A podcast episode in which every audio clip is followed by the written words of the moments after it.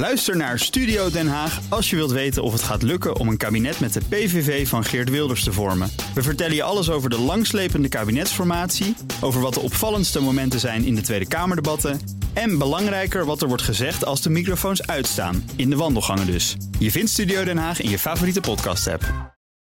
Auto-update.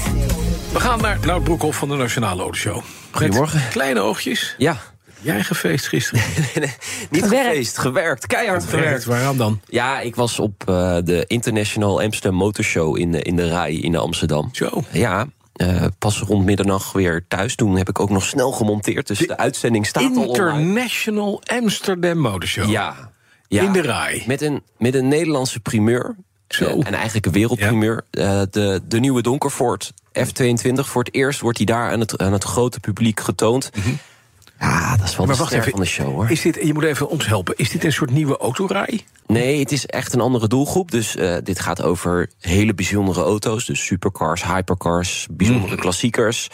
Eén elektrische auto staat er op de beurs. Dus wat dat betreft eh, Zit jij daar goed pas? zit jij daar wel, eh, wel goed.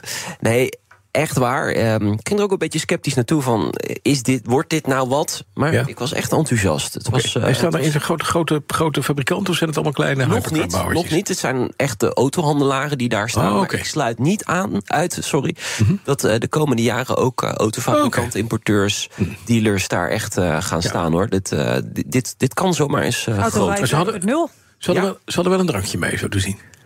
Er werd wel wat Ja, geschonken. oké. We gaan naar het autonieuws. Ja. Ja, Toyota gaat vol inzetten op elektrische auto's. Ze hebben het licht gezien. Ja. Nou, nee, dat is natuurlijk een beetje gechargeerd. Nee, binnen drie jaar eh, tien nieuwe volledige elektrische auto's is Mhm. eh, vandaag aangekondigd.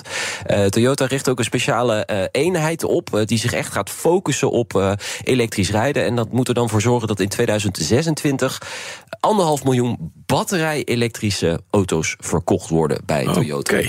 Gaan ze dan weg van waterstof en van hybride? Dat denk ik niet. Ik denk dat ze dat er nog bij houden de komende jaren. Ze geloven echt in de mix. Net als BMW, dat ook echt in de mix Ja. van eh, allerlei brandstoffen en weet ik veel allemaal. eh, Maar ze gaan wel wat meer inzetten op batterij. Ja, zeker. Dit is de eerste grote beslissing van de nieuwe CEO, Koji Sato. Toyota heeft veel kritiek gehad op de. EV-strategieën. Wanneer, wanneer begin je nou eens? Wanneer ga je nou echt uitrollen? Het is de grootste autobouwer ter wereld. Ze hebben 10 miljoen auto's verkocht afgelopen jaar.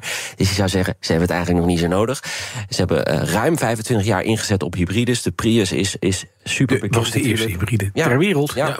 daar hebben ze heel veel eh, CO2 mee eh, bespaard. Maar ze zien nu ook dat ze moeten omschakelen. En ze gaan dus ook elektrisch. Oké. Tien nieuwe modellen binnen drie jaar. Over elektrisch gesproken. Tesla ligt onder vuur. Na publicatie van persbureau Reuters. En dat gaat over dat, eh, dat Sentry-systeem. Ja. De camera's staan altijd aan, ook al staat je auto uit. Ja, en eh, kijk, dat is ook heel handig. Hè? Ze filmen alles wat er gebeurt. Dus die beelden kunnen ook gebruikt worden. Heb je bijvoorbeeld een eh, verzekeringskwestie... er rijdt iemand tegen je Tesla aan... of je buitenspiegel wordt er vanaf geschopt... dan kun je laten zien, kijk, diegene heeft dat gedaan en pak hem op. Maar ehm, voormalig Tesla-medewerkers hebben dus misbruik gemaakt...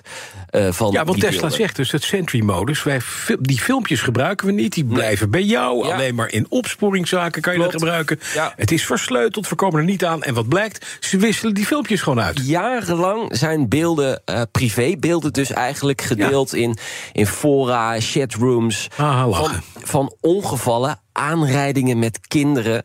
Gênante Jongen, beelden jongen, ook. Naakte man die naar zijn Tesla loopt. Moet je niet doen natuurlijk, maar ja, het staat op beeld. Ben van de Burg in zijn Tesla loopt. Niet noodzakelijkwijs naakt.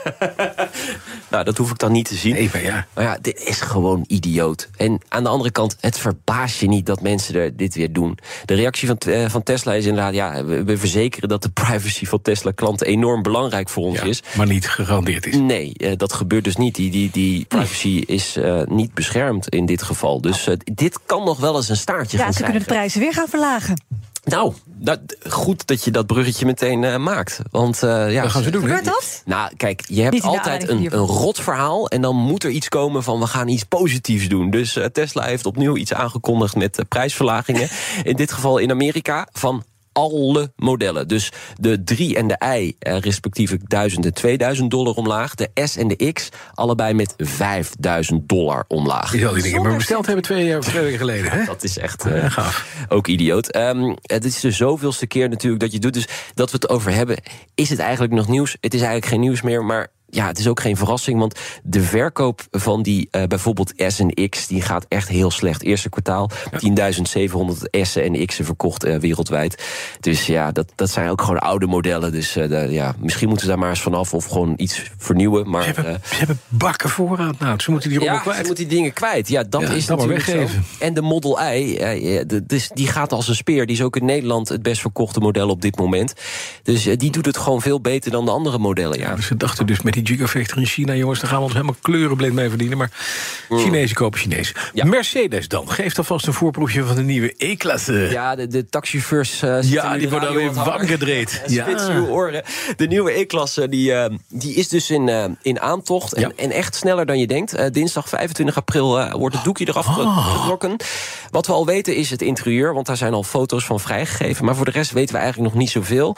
Plaatje dat meegestuurd is door Mercedes is een soort silhouet. Kan ik niks over zeggen. Maar eh, hou rekening bij Mercedes dat de E-klasse eigenlijk een te heet gewas S-klasse is. Ja.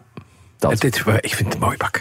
Ja, zeker. Dan hoeven we geen medelijden te hebben met Toto Wolff... de baas van het Mercedes Formule 1-team. Daar hebben we dat nooit, want die man Nee. is echt puissant rijk. Maar Ja. hij is nog rijker geworden. Ja, ja, kijk, het team presteert niet zo goed in de Formule 1. Of niet zo goed, niet top. Ehm, maar financieel gaat hem echt voor de wind. Want Toto Wolff is volgens Forbes miljardair geworden. Is een goede zakenman. Hij heeft ooit een belang gehad in Williams. Dat heeft hij weer verkocht. Eh, Hij heeft een belang in Aston Martin genomen van een procent. Eh, dat heeft hij nog steeds.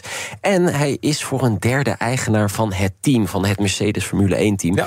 En ja, de successen die er wel waren tien, eh, de afgelopen tien jaar... dat heeft hem dus een eh, fortuin opgeleverd. Dus hij heeft nu een miljard Ja. aan waarde. En het blijft gewoon lul. Dat is fijn. Ja, nou, vind je dat nou? Ja, vind ik een ontzettende lul. Ja, hij, hij heeft natuurlijk acht jaar heeft hij ons dwars gezeten. Heeft hij alles Ja, maar het is gewoon een nare man. We zagen het op een gegeven moment toen Lewis Hamilton helemaal lekker liep. En, en, en dan zit hij met, met een verbeten kop te kijken. En denk ik altijd van, je bent een nare man. Jij weet het ook, je moet een beetje een klootzak zijn af en toe. Ook in de Formule 1. Zeker in de Formule 1. Want anders wordt het echt over je Ja, maar neem dan. Christian Horner. Dat is een, dat is, die is niet multimiljardair. En die is gewoon, dat is een leuke man. Dat is een normale man. Ja? En die doet, het, die doet het ook goed. Het zijn allemaal mannetjes. Ja, zeker. Het is een apenrots. En de ene heeft wat meer haar dan de ander. Ja. Eh, ja, en nu Bokito er niet meer is, moet iemand overnemen. Toto, daar ben je. Daar ben je. Maar toch, ja, dat is een lul. En Christian Horner niet. Stiekem toch een beetje jaloers, miljardair. Het, je Ja? zal- hij zal het niet op zijn ik bankrekening willen, staan. Nee? Nee, niet? nee, ik ben liever leuk met, met weinig, met twee boekenbonnen... dan een miljardair en een lul. Dankjewel, nou Broekhoff. Ja, graag gedaan. De auto-update wordt mede mogelijk gemaakt door Leaseplan. Leaseplan. What's next? Ook Thomas van Zeil vind je in de BNR-app. Je kunt live naar mij luisteren in Zaken doen, de BNR-app met breaking news, het laatste zakelijke nieuws en je vindt er alle BNR-podcasts, bijvoorbeeld Het Nieuwe Geld. Download nu de gratis BNR-app en blijf scherp.